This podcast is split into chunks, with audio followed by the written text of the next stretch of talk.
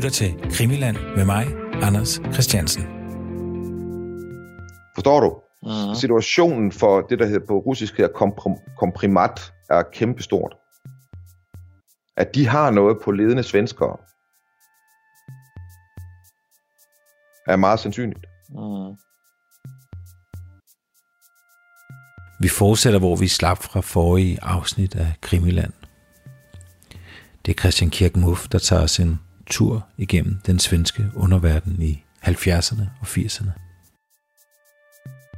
Og selvom de her farverige gangster, Roland Bjur, Sigge Sedergren og Mr. X, jo ikke direkte er linket til, til palmemordet, så er det som om det hele det, det mødes i det, der hedder Gaia-affæren eller Doris Hop-affæren.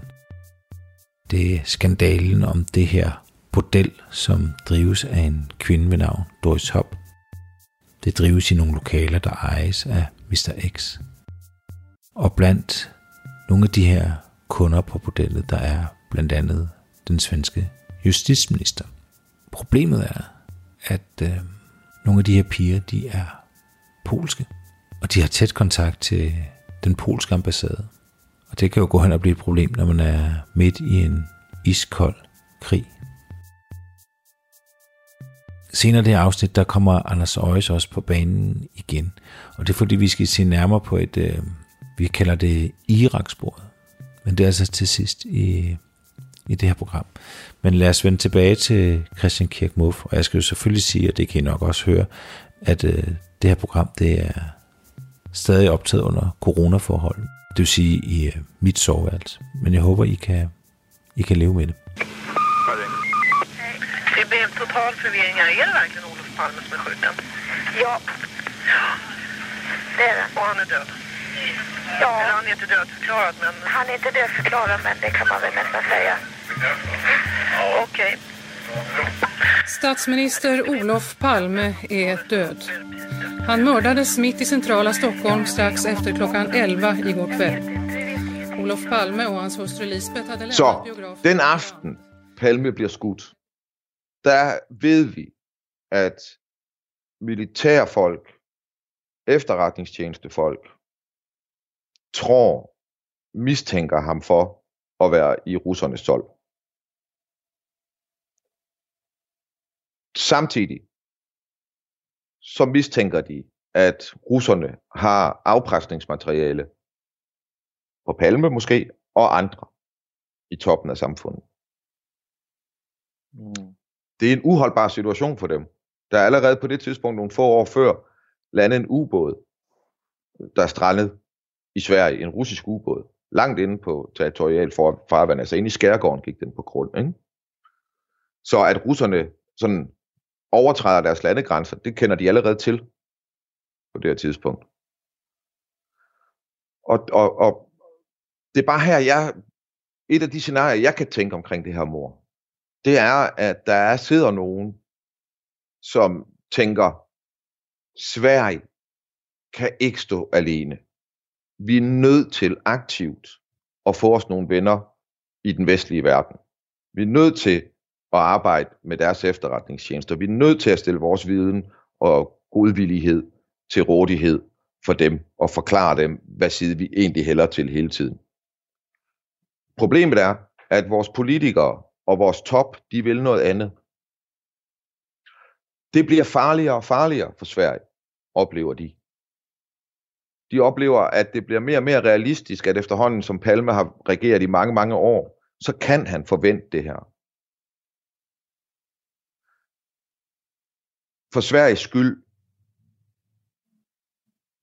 for fremtiden og vores børns skyld, så kan vi blive nødt til at gøre noget ved det her. Sådan kan man godt have resoneret i de kredse. Og det kan lyde i den, den sammenhæng sådan svært at forestille sig, at militæret skulle sidde og gøre det osv. Men der står altså bare så meget mere på spil i Sverige i den her periode, end der gør i noget andet. Øh, det ved jeg ikke. Norge kender også godt til det her. Mm. Øh, og Finland jo ikke mindst. Ikke? Men i Danmark er det bare pænt ukendt. I Danmark talte vi aldrig om, hvor hurtigt vi ville blive oversvømmet af først nogle atombomber og så nogle øh, russiske, polske styrker. Altså det, det fyldte ingenting. Vel? Altså vi havde vel fire kanoner nede på Lolland. Mm. Men i de andre lande der, der, der brugte de altså mange penge på det, og havde sådan en militær øh, tilstedeværelse og, og, og øh, beredthed, som vi slet ikke kendte til. I hvert fald til mit viden. Så derfor kan der sagtens have været så meget på spil i nogle forstyrrede hoveder i det der miljø. Ja. Det, Jamen, jeg ved ikke, hvad jeg skal sige. Nej. Nej, nej, men jeg, får, jeg får jo ikke bevis for noget her. Det her, det er jo bare sådan noget... Du ved, det, det er det bare for at sige... Det, det der er det, noget af det spændende for mig ved palmemordet er, at det, der sker på grund af det mor, det er, at vi ligesom får et x-ray af det svenske samfund ind i nogle hjørner af, den, af det samfund, hvor vi normalt aldrig nogensinde vi kunne få lys eller viden fra. Og, og, og det sker her, fordi at, at der opstår så mange sprækker i presset på den her efterforskning.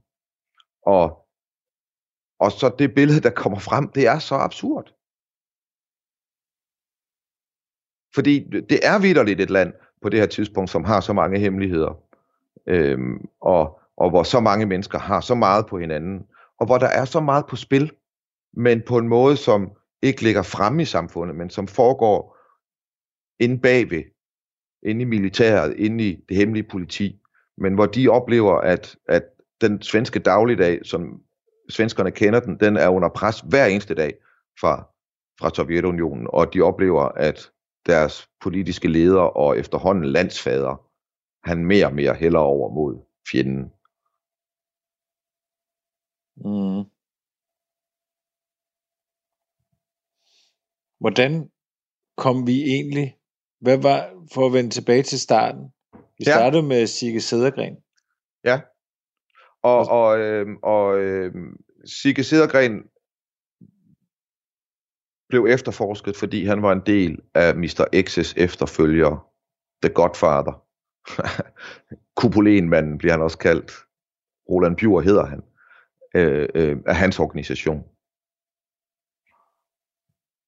Og så er det, jeg siger. Roland Bjur, han vidste også godt, hvad der var foregået på det bordel.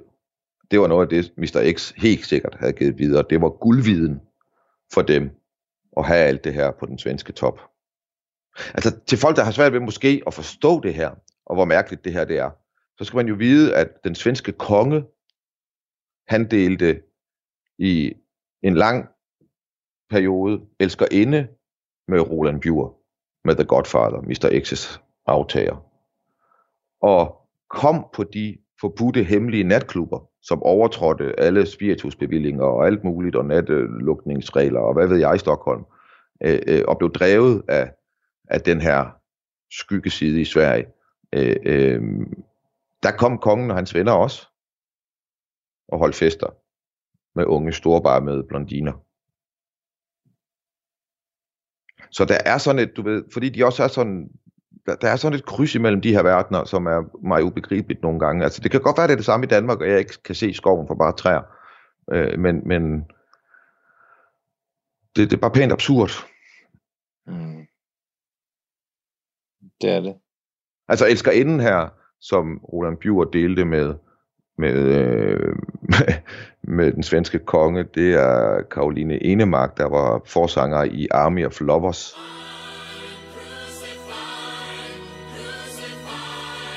Hvis der er nogen, der kan huske dem. Jeg kan rent faktisk godt huske det. Ja. Øhm, det var hende. Hun har skrevet om det i hendes øh, memoir.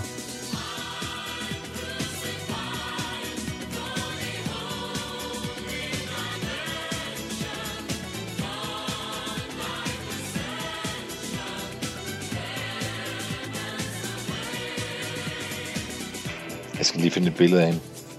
Ja. De, var, de havde et par hits i starten af 90'erne. ja, det må man sige. De var kæmpestore.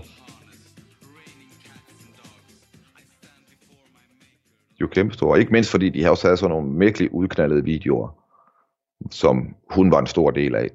Fordi hun er, øh, hun er ret overvældende. ja. Der har vi hende. Ja. Igen, de sidder kort fra, hvor Palme bliver skudt og overvåger Sigge Sedergren, fordi han er Roland Bjurs, en del af hans organisation, Mm. som han har overtaget fra Mr. X, og den handler om drugs, og den handler om spilleklubber og ulovlig gambling og sådan noget.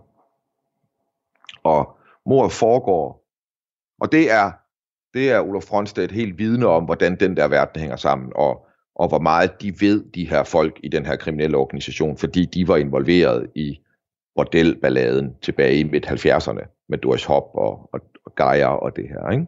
Så det er jo noget, altså det, det skal man jo hele tiden tænke på, de ved jo godt, hvad hinanden ved, ikke? Og det er jo også sådan et spil, de hele tiden spiller i den der verden, at øh, okay, det, det er lidt sådan en logik, der hedder, jeg ved, du gjorde noget ulovligt der, øh, kan politimanden vide om en fyr, og politimanden og, og, og, og den kriminelle kan sige, ja, men jeg ved, at I agerede sådan der dengang. Okay, du holder mund, du hold, jeg holder mund, alle holder mund. Og så kan I knalde mig for noget andet, eller jeg kan slippe væk fra det. Altså, så, du mener, altså, så udligner det hinanden. Mm. Altså sådan nogle, sådan nogle overenskomster er der.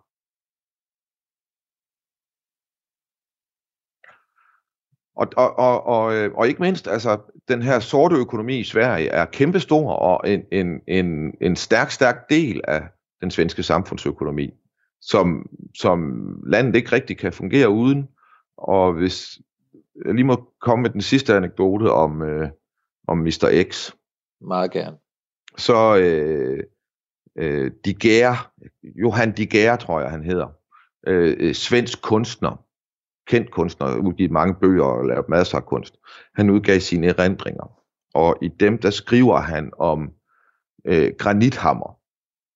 Og han har så siden øh, øh, fortalt i et øh, interview, at granithammer var Stenberg. Så når man læser bogen, så, hvor der står granithammer, så kan man læse Stenberg. Og det passer fuldstændig med så også de begivenheder, der bliver beskrevet deri.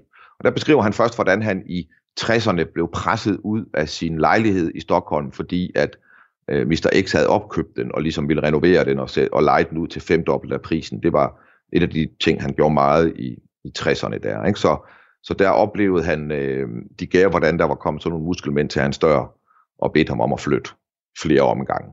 Indtil han til sidst havde gjort det. Men så oplever han i 85, efter han har fået plastikhjertet, at han bliver, op, han bliver øh, op, ringet op øh, kl. 12 om aftenen. Og der er sådan en, øh, en hæs stemme i den anden ende, der siger, øh, hey, det er mig, kom, kom straks. Og han er ikke klar over, hvem det er, og han siger, undskyld, hvem er det, der ringer nu? Og så siger han, det er mig, det er live, det er Mr. X for faren. Du bliver hentet nu. Og så gik der et kvarter, så kom der en bil med to af de der muskelmænd, faktisk var den ene den samme, som havde været, og jeg har en mistanke om, at det er Roland Bjur. Øh, altså, det var Roland Bjur selv, men, men fordi der er et eller andet med et øgenavn, han bruger i sine øh, erindringer her, de gær, som, som passer med noget, en kilde engang sagde. Det, jeg kan ikke bevise det, men jeg har en fornemmelse af, at det faktisk er Roland Bjur, der er med i bilen her også, i 85, da de gær midt om natten bliver kørt til, hvad han beskriver som et gammelt hotel, som Mr. X har overtaget, og hvor der sådan er en port, der skal rulle fra, før de kan få lov at køre ind, og du ved, the closed circuit TV overvåger det hele. Og han kommer ind i sådan en konferencerum, hvor nede i den anden ende, der er der en hospitalseng, og så står der sådan en, en vaskemaskine ved siden af sengen. Og så siger, øh, kom og sæt dig ned, siger den her hæse, meget svag stemme. Og, og, øh, og så siger øh, Mr. X til øh, Johan de nu skal du høre, jeg, har, øh, du skal, øh, jeg, skal, jeg fortæller dig min livs lærdom nu, øh, øh, og, og den skal du videregive til det svenske folk. Og så siger han, øh, øh, hele verden vil blive øh, globaliseret. Sverige vil miste alle sine jobs. Det vi er i 85. Det. Øh, Sverige vil miste alle sine jobs. De vil flytte til udlandet. Og, øh, og vi kan ikke leve af at klippe hinanden. Så hvis vi ikke har en meget, meget stærk, velorganiseret og jeg kan ikke huske, hvad det var, økonomisk øh, meget givetig, meget indbringende øh, sektor for sort økonomi i Sverige, så kommer landet til at knække under. Det er den sorte økonomi, der kommer til at redde os, og jeg har forsøgt at bygge den så stor og stærk som muligt. Og det var det, han ligesom ville sige til de gær. Og, og øh, nå, men, men, men Sverige er specielt, fordi de har en kæmpe sort økonomi. De har en kæmpe bytteøkonomi. Det er et smuglerland af den anden verden. I hele Sverige har der siden 70'erne været et sort marked for cigaretter, som er fuldstændig absurd stort, og som har været styret af jugoslaviske venskabsklubber.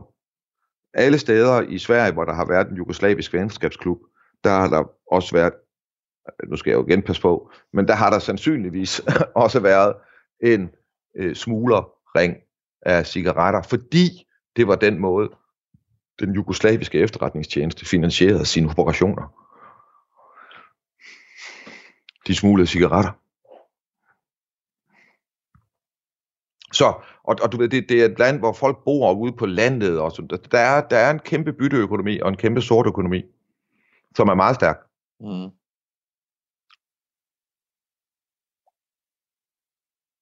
Og, og, og, og der er ingen interesse eller altså for øh, sådan en som, som Palme og andre, altså de, de, de ved det, og de er ikke interesseret i, altså de, de er interesseret i status quo, eller hvad, hvad er de interesseret i i forhold til, til det? Ja, det ved jeg ikke, hvad de, hvad, hvad de i princippet er interesseret i i forhold til det. Altså, øh, Mr. X mener, at det er nødvendigt for dem at have det. Altså, ja. at økonomien ikke kan klare sig uden. Men jeg tror, at, at øh, Palme og mange andre har 100% sikkert været klar over, at der var en masse kriminelle, som gik rundt med håndfaste beviser for, at toppen, og måske dem selv inklusiv, af det svenske samfund havde gjort ting, der ikke var helt i orden på det der bordel. Mm. Altså det er jo det, der er sagen på det her tidspunkt. Det er, at ikke bare ved de, at ikke bare ved de, den her kriminelle, de her kriminelle, at hvem i toppen, der har haft hvilke tilbøjeligheder, og hvor unge de piger, der skulle hjælpe med de tilbøjeligheder, de var. Det har de vist, men de har også vist, hvem der har løjet om det bagefter. Og de har også vist, at politiet dækkede over det. Det er ufatteligt. Så, så, så, hvad siger du? Nej, jeg ikke noget. Jeg siger bare, det er ufatteligt som, som sex og liderlighed og lyster igen og igen ja. styre verden. Ja, men, men alt kriminelt opstår omkring alt det, som vi ikke vil tale og se på. Tale om at se på. Ikke? Altså det er ligesom, du ved, det er drugs, og det er våben, og det er sex. Og det er penge, faktisk. Fordi det er også sådan lidt, det, det har vi ikke liggende. Du ved, det er alt sådan, det som ligesom er noget, vi forsøger at, at ikke være så præcis omkring.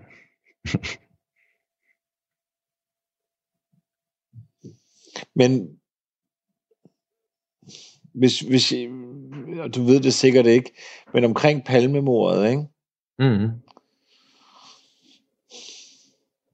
Er der nogen, der, altså, ja, der er jo selvfølgelig Christa Petersen, jeg får skulle til at sige, er der nogen, der, der må også være nogen, hvis der er alle mulige den kriminelle underverden, går rundt der og lever jo også af informationer af at vide noget, og have noget på nogen, så må man jo også Altså, så har man jo også været i høj kurs, hvis man har vidst noget om, hvem der har dræbt Palme.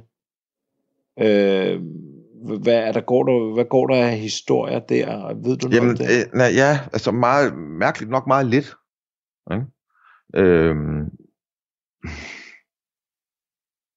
ikke rigtigt, altså der går flere historier ligesom inde, i, inde ved politiet og i, i, de, i efterretningstjenesterne. Der går der jo alle mulige historier. Mm. Men, men i, det, i det kriminelle miljø, not so much. Øh, hvilket også er lidt specielt faktisk. Fordi der er ikke noget, mm, der er ikke noget kriminelt motiv som sådan for at slå Palme ihjel, jeg kunne finde. Altså jeg, jeg havde jo, du ved, når jeg kiggede på Palme dengang, så havde det sådan lidt ligesom, når man, eller Orient Expressen af Agatha Christie, hvor det ligesom der er en, en stakkels offer, der bliver slået ihjel ombord på et tog. Og øh, Hercule Poiret, som skal opklare det her, som er privatdetektiv, han finder ud af, at alle ombord på toget har faktisk et motiv. Og alle ombord på toget har faktisk haft mulighed for det. Og det er måske det, der forklarer, at alle de her knivstikker er med forskellige kraft på forskellige steder, fordi de har alle sammen begået mord. Ja. Så man kunne forestille sig, at der sådan, du ved, et halvt år før Palme bliver slået ihjel på et eller andet hotel i Budapest, er et møde mellem alle dem, der har en interesse i at slå Palme ihjel. Og så bliver de enige om, at de skal hver især gennemføre deres plan den aften. Og så trækker de lod, og så er der kun en af dem, der rent faktisk skal gennemføre den. Alle de andre skal kun lade som om. Og så er der ikke nogen, der ved, hvem der har slået ham ihjel. Enten den præcis, der gjorde det. Men der er så mange spor, der er lagt ud, at det vil blive fuldstændig umuligt for nogen at opklare det nogensinde. Det er vanvittigt præcis billede. Orient, mordet på øh, Orient Expressen. Mordet på Ja. Orient Expressen. Altså, fordi... Jamen, alle det... kan have gjort det. Alle kan have gjort det. Altså også praktisk. Der er ikke nogen oplysninger på den mornat, som ligesom udelukker nogen scenarier. Nej. Nej. Alle. Og alt efter, hvad man selv vil, så kan man få det til at passe næsten. Ja, altså der er noget andet her, som altså, nu kan jeg ikke lige huske, hvordan det er. Det er bundet sammen med baseballligaen, og det er også bundet sammen med, med øh, IP, eller SSI, eller KSI, det her hemmelige militære efterretningstjeneste. Den hedder SSI på det her tidspunkt, jeg tror det er 89 eller sådan noget, den skifter navn til KSI. Den hedder IP frem til sidst i 70'erne, og så skifter den navn til SSI, og så skifter den sidst i 80'erne, tror jeg, til KSI. Men der er også en forbindelse der til baseballligaen gennem det her skytte, øh, skytteforeningen og de her møder i, i Gamle Stan, i det her sådan højrefløjs semi-nazi, måske fuldblåen nazi-miljø. Ikke? Mm. Der er en kobling over til nogle, og jeg kan simpelthen ikke huske navnet, når det beklager, men jeg, og, og jeg kan ikke lige finde det frem. Men måske kan nogen derude hjælpe med at finde det her frem. For jeg er sikker på, at det er sådan her, at 3, 4, 2, 3, 4, 5 år inden Palmemordet, der er der to, som to svenskere, der er tilknyttet en af de her hemmelige efterretningstjenester, som ret selvbestaltet, måske aftalt med en chef, men ellers ret selvbestaltet, beslutter sig for at tjekke, hvor godt er det svenske beredskab og i det hele taget beskyttelsen af toplederne i det svenske samfund, hvis de nu skulle blive udsat for et attentat. Og derfor gennemfører de et forsøgsattentat på den måde, at de prøver at se, hvor tæt kan de komme på med våben på den militære chef i Sverige. Og der kommer de ret tæt på. Og så kan jeg ikke huske, om, om de bliver opdaget, eller de siger, okay, nu er vi så tæt på, så vi kan bevise det, at det kan nemt gennemføres. Øhm, eller hvad det, jeg kan ikke huske, hvordan, hvordan detaljerne ligesom er videre derfra. Men jeg kan bare huske, jeg synes, det var igen mindblowing. Hvad er det for en selvbestaltet gruppe, som gør det her, du ved, lidt senere i, i efter Palme er skudt, og Hans Holmer øh, øh, har prøvet at efterforske, og det er lidt at gå op. Så kommer øh, Ebbe Carlson-affæren, som jo hænger sammen med, med Palme øh, øh efterforskningen, som igen er en, en, en privatpersonagtig fyr, som bliver øh, givet sådan et, et brev af justitsministeren om, at nu på bedste selvbestaltede vis, så har han den svenske stat i ryggen, når han tager ud i verden og køber udstyr, som han så smutter ind i Sverige, som er ulovligt at tage med ind i landet, og sådan, sådan nogle ting. Mm. Altså, øh, øh, der er sådan en, altså kan vide, hvor mange hemmelige organisationer de egentlig har i Sverige. Altså jeg mener, indimellem så finder man jo nogen, som ingen vidste noget om. Har man fundet dem alle sammen? Nej, det ville være påfaldende, hvis man, at, at man fandt alle de hemmelige. At der kun var dem, man har fundet. Ja, ja, præcis. Præcis. Så, ja, jeg ved ikke, hvad jeg skal sige. Jeg synes, det er så interessant, fordi det Sverige-billede, man får, når man ligesom kigger på den her måde på Sverige, så lyder det jo som sådan et eller andet. Ja, det lyder ikke som Sverige, vel? Nej. Det gør det nemlig ikke.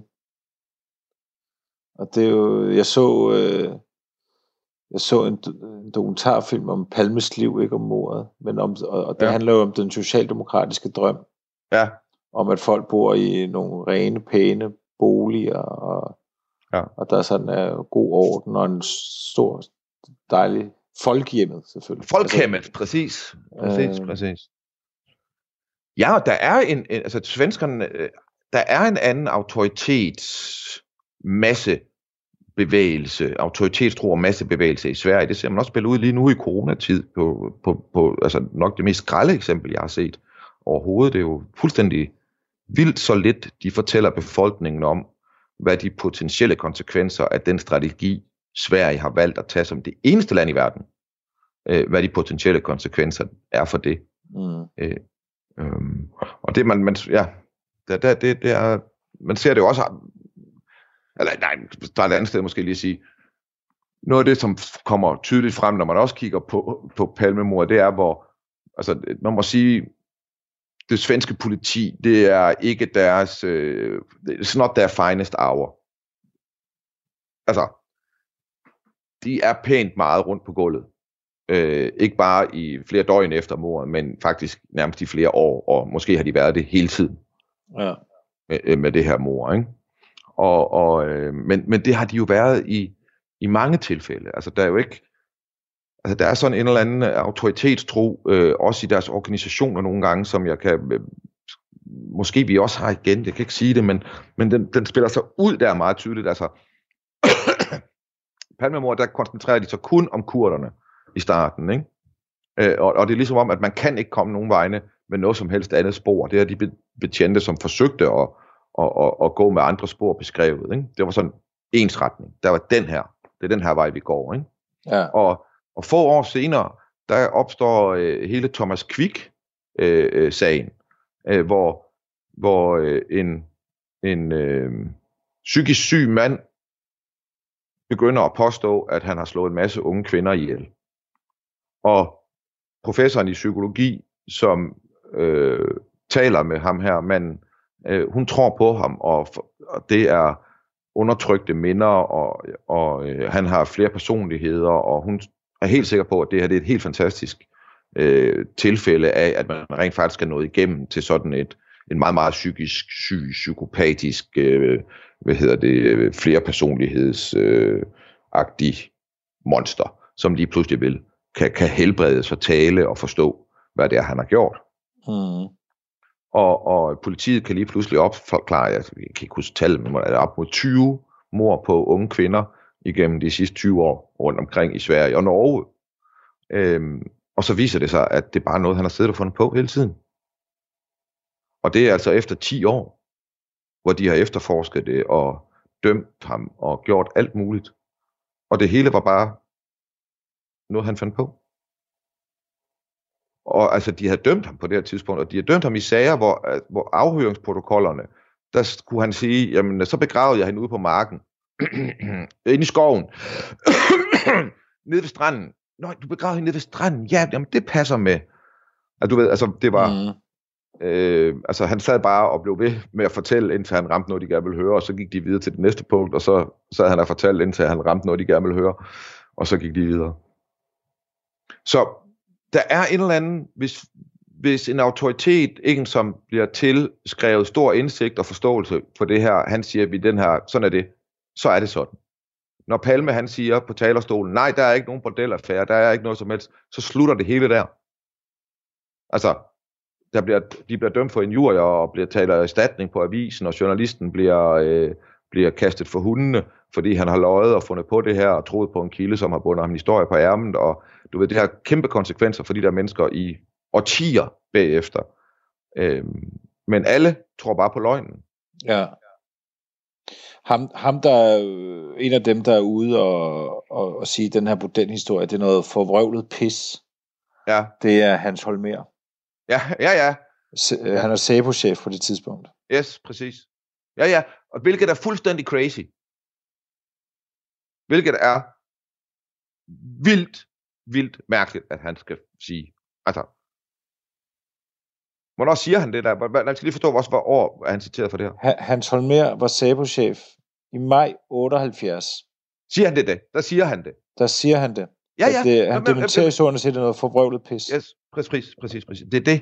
Det er jo det. Når Hans Holmer bliver udnævnt til efterret, til øh, hvad hedder det, efterforskningschef på det her, ikke?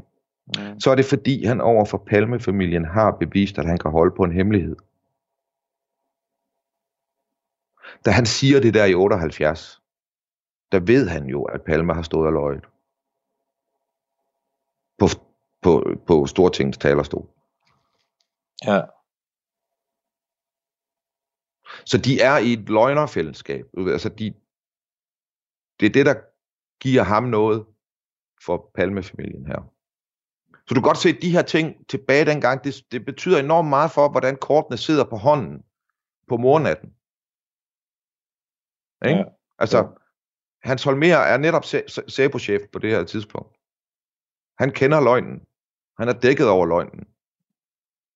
Han har kastet en journalist for hundene. Altså han, ham der er journalisten, du ved, altså det, er, det er en stor ting at blive taget for at have løjet omkring, eller skrevet en dårlig, altså du ved, det var, ja. det var en kæmpe, kæmpe ting. Altså der, der findes interview med ham på nettet, hvor man kan se, at det er en, det er en knust mand. Ja. Leif G.V. Persson var øh, på selvmordsrand. Det er han selv beskrevet. Han sad med et sommerhus med et øh, dobbelt øh, løbet øh, jagtgevær i munden.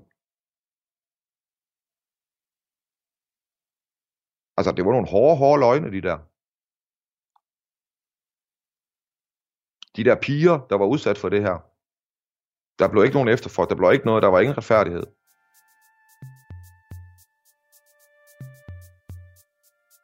Jeg får lyst til at sige en masse ting her. Noget af det sidste Christian Kirkmuff nævner, det er den her bizarre øvelse, som nogle, øh, som nogle soldater begår, hvor de skal øh, altså simpelthen øh, ja, lave et, et øveattentat. Det gør de i 1900 og og 85. Den ene af dem er, er løjtnant. De havde øh, klædt sig ud som, øh, som nogle betjente, men blev, øh, blev opdaget. Der var simpelthen en, der genkendte dem. Episoden den er beskrevet i øh, Lars Bornes bog En iskald vind drog igennem Sverige. Og her der kan man også få en anden lille interessant oplysning omkring den her løjtnant. Han er rigtig gode venner med betjent Ø. Ø, som alle, der lytter til det her program, vil kende. De har fået øh, adgang til politibilen og uniformer via Ø. Og Ø og hans kollega K, de havde selv øh, været med til den her øvelse, som øh, ja, som en form for, for backup i en, en civil bil. Og, og Lars Bornes, han, han ser den her episode med, at der er altså nogle militære politifolk, der på egen hånd laver, laver sådan nogle øvelser her. At det, det viser et billede af, hvordan stemningen simpelthen har været i, i Sverige i den her tid. Hvor stor frygten for en sovjetisk invasion har været. Og hvordan der har været, været mennesker i militæret, politiet, der følte det nødvendigt at ja, handle på egen hånd. Den oplysning er altså i Lars Bornes' bog, som jeg nævnte, en iskaldt vind drog igennem Sverige. Og nu er vi i gang med, med boganbefalingerne, så øhm, har vi også de seneste afsnit nævnt ham, der hedder Olaf Fronstad. Det er ham, der er chef for kontraspionage i SEPO, da den her Doris Hop-affære står på. Og han har skrevet øh, sin memoir, og jeg sidder i øjeblikket og læser anden del. Den hedder Spionjern, del 2, Sæpo, Ip og Palme. Låt os börja med Sigge Cedergrens berättelse om hur han reste på mordkvällen. En anden ting, øhm, og det er jo for at, at knytte de her øh, svenske gangster tættere på mordet på Olof Palme. Vi har nævnt det før, men jeg vil bare lige, øh, jeg vil bare lige fortælle det igen. Sigge Cedergren er den mest konkrete forbindelse. Sigge Cedergren kører nemlig af Lundmarkergata, altså parallelgaden til Sværvæggen, da Palme han blev skudt. Han er blevet afhørt rigtig mange gange, blandt andet fordi han øh, kendte Christa Pettersson, og dels fordi hans øh, telefon faktisk øh, blev aflyttet på det her tidspunkt. Han var øh, narkohandler, så, så politiet var i gang med at, at aflytte ham. Men han fortæller, og det her det er jo det er lidt spændende. Han kører sig af Lundmarkegatter mod ensretningen. Og da han er næsten helt nede ved, tunnelgaden, så bliver hans øh, vej blokeret af en øh, Volvo. Det her det sker et par minutter før mordet. Og så øh, bakker Sigge Sedergren naturligvis tilbage. Det var ham, der kører imod, ham, der kører imod ensretningen. Og kører op og, og holder rundt om det næste hjørne og venter så på, at Volvoen skal køre forbi. Det kommer ingen bil. Øh, Jeg rullar fram och tittar, då ser jag inte bilen längre. Så fortsätter, då kör jag ner igen. Han ruller så frem for hjørnet igen og kigger ned ad Lundmarkegata og kan ikke se Volvoen.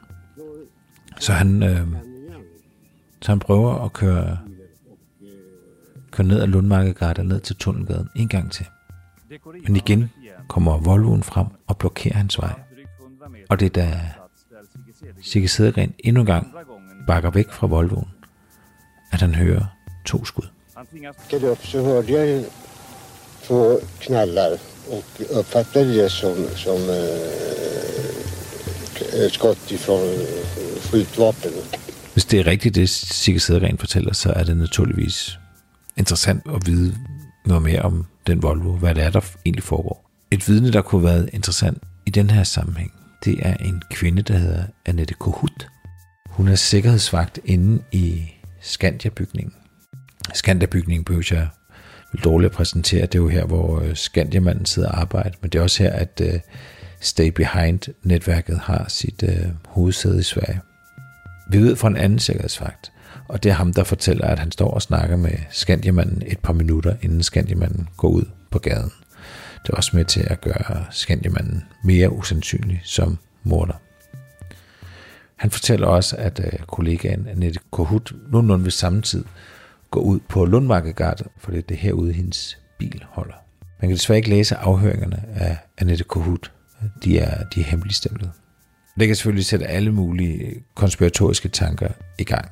Og dem synes jeg bare, man skal gå i gang med. Det gør jeg også selv.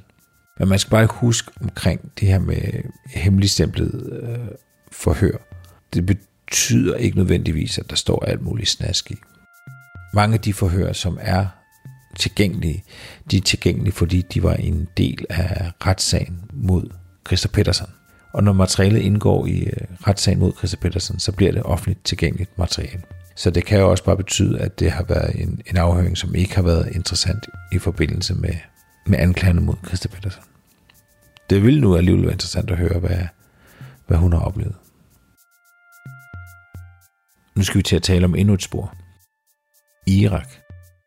Det er Anders Højes, der endnu en gang øh, hjælper os igennem. Der er et meget spændende debatindlæg i Aftonbladet tilbage i 2003, da USA de er rykket ind i, i, i Bagdad, og det er også der, hvor komisk Ali får sit navn. Skribenten, han, han opfordrer simpelthen øh, til, at man afhører øh, komisk Ali om palmemordet. Og det bør man også, det, det burde man også have gjort. Altså fordi, hvis vi skal vende tilbage til et filosofisk udgangspunkt, jeg har etableret nogle gange, og du sådan fornemmer jeg nogenlunde har tilsluttet dig, så skal vi have fat i noget, der i tid og rum er knyttet til mordet på Olof Palme. Og der er øh, forbindelsen fra Mellemøsten, det er jo komiske Ali. Øh, men Irak har vi jo egentlig kun snakket om øh, i kraft af, at, at Palme jo har et møde med komisk Ali. Der er nogle ting, vi skal huske på i den her forbindelse her. Så for for det første, så skal vi jo huske på, at vi er tilbage i Saddam Husseins tid. Han må stå sådan nogenlunde klart på, på de fleste nethinde den dag i dag også som, som Iraks enevældige hersker på det her tidspunkt her. Og det andet er så, at Irak og Iran er i krig på det tidspunkt. De har været i krig med hinanden siden først i 80'erne. 80 eller 81, så vidt jeg husker. Øhm, og øh, der er det jo Olof Palme, der er FN's officielle mailer i den her krig her. Det vil sige, at han skal forstå, forsøge at stå som en neutral part imellem de her to krigsførende parter, øh, og være den, der kan modtage oplysninger og sådan på, på rimelig vis sørge for, øh, hvis der er et, et, en, et bud eller en meddelelse, der skal gå imellem de her to parter her, jamen så er det ham, der på FN's øh, vegne skal viderebringe det. Øh, og øh, det skulle, det, altså som sagt, det var, det var FN, der havde udpeget ham, og Og Sverige var jo et meget brugbart land for FN på det tidspunkt her, fordi de var ikke Sverige var uafhængigt af den blokopdelte verden. Det var hverken et NATO-land eller det var hverken et østblokland. Og Sverige havde også haft gode forbindelser til øh, lande i Mellemøsten. Herunder faktisk både Iran og Irak på det tidspunkt her. Det var sådan et land, øh, Ja, det er i kraft af mange ting. Det er blandt andet i kraft af, af, af hvordan Sverige har set på, øh, på, på hele afkoloniseringsbestræbelserne i Mellemøsten og de nye statsdanser og de nye partidannelser, der har været dernede, de styreformer, der har været dernede, gjorde, at, at Olof Palme og Sverige var, var velegnet til det her formål her. Men det medførte selvfølgelig også, at øh, begge parter jo naturligvis var meget opmærksomme på, hvordan Palme så varetog den her rolle som FN's øh, officielle fredsmæler. Altså, de havde selvfølgelig også deres egen interesse i at holde øje med, at han fordelte sol og vind lige. Og der er det, som du refererer, vi har talt om, jamen, de her våbensalg her, øh, var blandt andet sådan noget, der kunne undergrave Palmes, øh, Palmes position øh, på Irans side. Men øh, Irak øh, kan også have, have foretaget sig noget i forhold til Palme, som kan være interesse for, for mordet. Øhm, og det kommer der også oplysninger relativt tidligt efter mordet er sket, at kommer der også oplysninger om, at, øh, at Irak kan have haft noget med det at gøre. Øhm, og de kommer fra mange sider af. Altså de, allerede på det her tidspunkt her faktisk havde øh, Sverige øh, modtaget en del øh, flygtninge fra Irak og fra krigen. Så der var et relativt stort, øh, hvad skal vi kalde det, miljø, eller relativt store grupperinger af irakere i, i Sverige, som som, har jeg snart sagt, i nogle tilfælde benyttede lejligheden til at øh, orientere politiet om deres, øh, om deres mistanker og, øh, og kunne referere nogle bestemte motiver for, at nogen i Irak kunne have haft med mordet at gøre. Og lidt apropos den drøftelse, vi har haft øh, før om nogle ting, der er knyttet i tid og rum til mordet, så er der i hvert fald en historie om en bestemt iraker, som jeg synes, det kunne være øh, både relevant, men også interessant at delagtiggøre lytterne i. Mm. Og skal vi tage fat på ham? Det synes jeg. Godt. Cirka en øh, 14 dage efter, at Olof Palme øh, blev myrdet, fik politiefterforskningen et tip om en bestemt irakisk mand, der havde opholdt sig i øh, Stockholm øh, en 14 dages tid i februar 1986. Øhm, og så ind i marts havde han hørt også opholdt der. Han opholdt sig der. Han var, han var ankommet øh, til Stockholm i midten omkring den 13. Øh, februar 1986, var der ankommet en, en, en iraker, som havde øh, et visum, der var udstilt til, at han måtte, øh, at måtte komme til Sverige. Øh, og, og, og den pågældende mand havde også, øh, om ikke andet, så i hvert fald gode diplomatiske kontakter til den irakiske ambassade, fordi han øh, det, det kan vi vende tilbage til til sidst. Men, men altså, han, han opholder sig i Stockholm, han indkvarterer sig på, sig på et stort og fint hotel, og øh, har efter personalets oplysninger øh, på det her hotel her mange penge med. Han har sådan, i, i bedste Hollywood-stil, så har han på det nærmeste sådan en kuffert, der er fyldt med penge. Og han leger også en, øh, en bil, en Ford Sierra, øh, ved et biludlejningsselskab i Stockholm, øh, ikke bare i Stockholm, men bil, biludlejningsselskabet ligger på Sværvæggen. Øh, og han lejer bilen i perioden frem til og med den 28. februar 1986. Og det her hotel, han bor på, det ligger øh, på en gade, der hedder øh, Birjarlsgatan, som også er en af de her små sidegader eller smøger, tæt ved den flugtvej, morderen han har. Altså, Birger Jarlsgarten og David Bergersgarten ligger ikke ret langt fra hinanden. Øhm, og noget af det, som det her hotel blandt andet er opmærksom på, det er, at de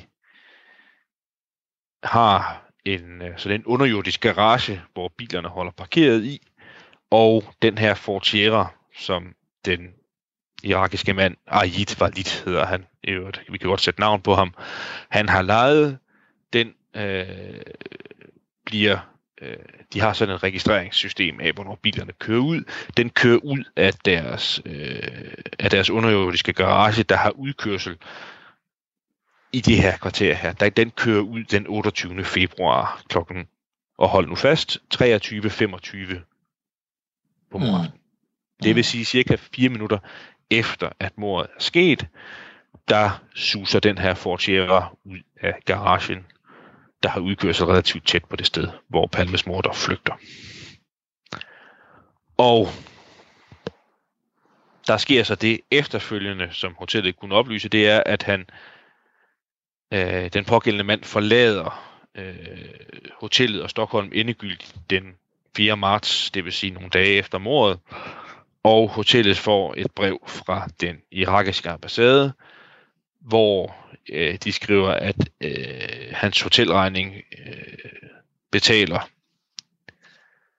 betaler den irakiske ambassade. Og, og den her bil her, han har lejet, den øh, leverer han heller ikke tilbage på den måde, at han kører ned til det selskab, hvor han har lejet den, og går ind og ligger nøglen på bordet og siger, må jeg få en kvittering for, at jeg har afleveret bilen. Det gør han heller ikke. Den holder pludselig uden for biludlejningsselskabets kontor med nøglen i øh, øh, nogle dage derefter den 20. februar, men inden den 4. marts, inden han tager hjem. Og der sker så også det samme med den, de, de får et brev øh, om, at hvis der er noget som helst penge, der skal betales i forhold til den her bil her, så betaler den øh, irakiske ambassade i Stockholm for det. Og hvis vi nu skal fortsætte sådan det sidste i opremsningen, det er, at øh, man hotellet kan levere sådan en udskrift af de telefonsamtaler, øh, som ham her Aid var lidt fører fra sit øh, hotelværelse. Og han fører en hulens masse udenlandske samtaler. Den 28. februar øh, fører han alt i alt 28 telefonsamtaler, hvor jeg fået parten af udenlandske telefonsamtaler. Så vi har altså en øh, irakisk statsborger, der er nogle oplysninger, der tyder på, at han kan have tilknytning til de irakiske militær, som befinder sig i Stockholm på det tidspunkt, hvor Olof Palme bliver myrdet, som bor på et hotel, der ligger tæt ved gerningsstedet. Han har en bil.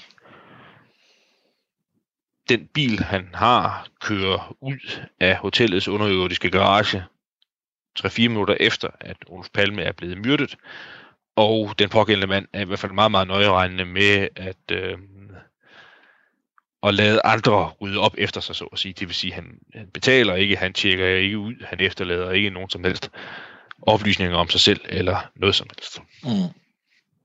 Nej.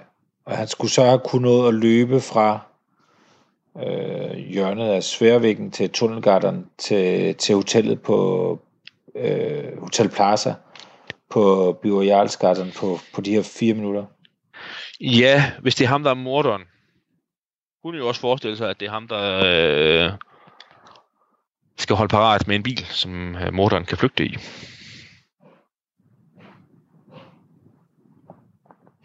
Det er øh, det var Hans Holmer, øh, den første efterforskning. Han skriver faktisk om det her ikke? I, øh, i sin bog. Olof Palme er, er blevet skudt. Ja. Øh, så skriver han indgående om det her tip. Øh.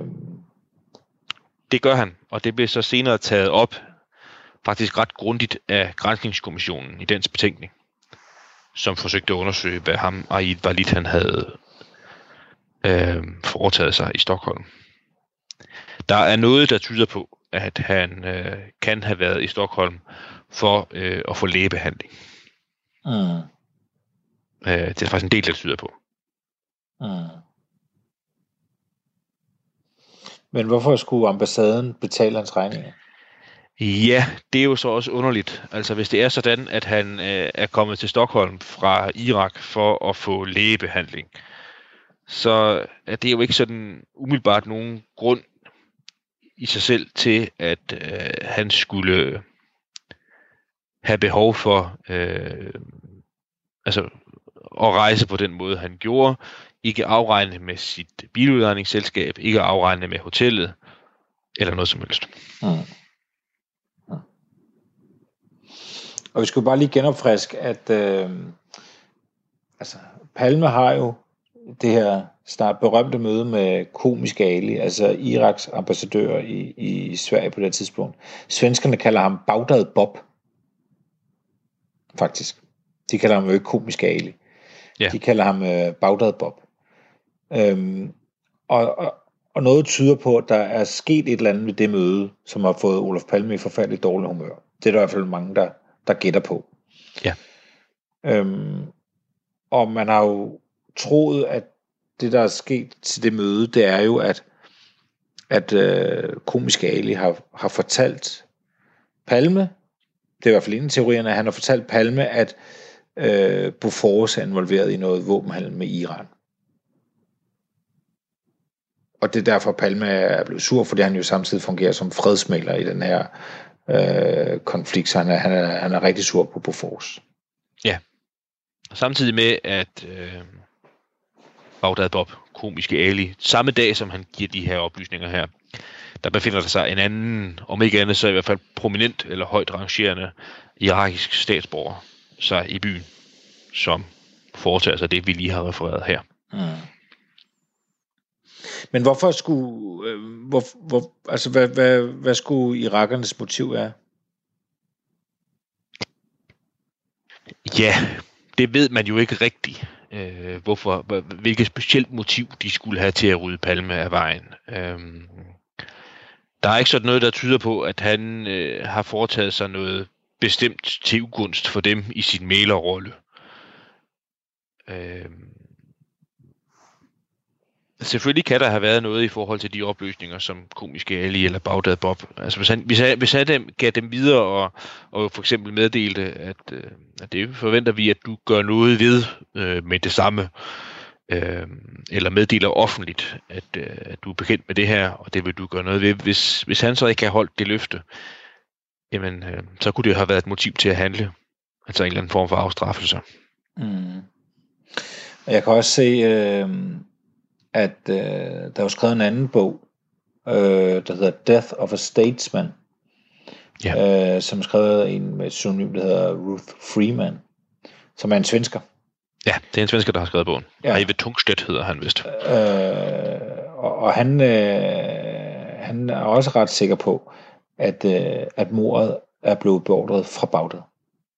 Ja, det er en, øh, en, en, en gammel øh, og sejlivet øh, mistanke, at øh, man skal finde, øh, hvad skal vi kalde det, oprind, altså det, sådan, den, den oprindelige planlægning, dommen, havde jeg snart sagt, er faldet i Mellemøsten. Det, altså det vil sige, at det er nogle folk i Mellemøsten, der har bestemt sig for, at Palme skulle ryddes af vejen. Og det er jo også en variation over det samme tema her, altså med, med kurderne, som vi også har været inde på, og som vi måske skal mere systematisk ind på i det hele taget. En anden mistanke, som også har med Mellemøsten at gøre. Men hvad, hvad skal vi tænke om det her? Er det, altså... Altså udover at han selvfølgelig er interessant, ham her øh, var lidt, der, der efterlader en, øh, en hotelregning, og han kører sin bil ud af, af garagen fire minutter efter, efter mordet. Men igen, som vi også har snakket om, der sker jo mange ting i sådan en stor by en fredag aften. Et eller andet sted må der jo nogen, der har kørt en bil ud af et hotelgarage øh, fire minutter efter mordet, eller fem minutter efter mordet, eller tre minutter efter mordet, eller syv Det er nok efter ske, sket andre steder også, ja. Jeg, jeg øh, nu er vi over i, sådan i afdelingen for, hvad man, hvad man tror og mener. Og jeg har altid haft svært ved at tro på, at mordet skulle have noget øh, bestemt med Mellemøsten at gøre.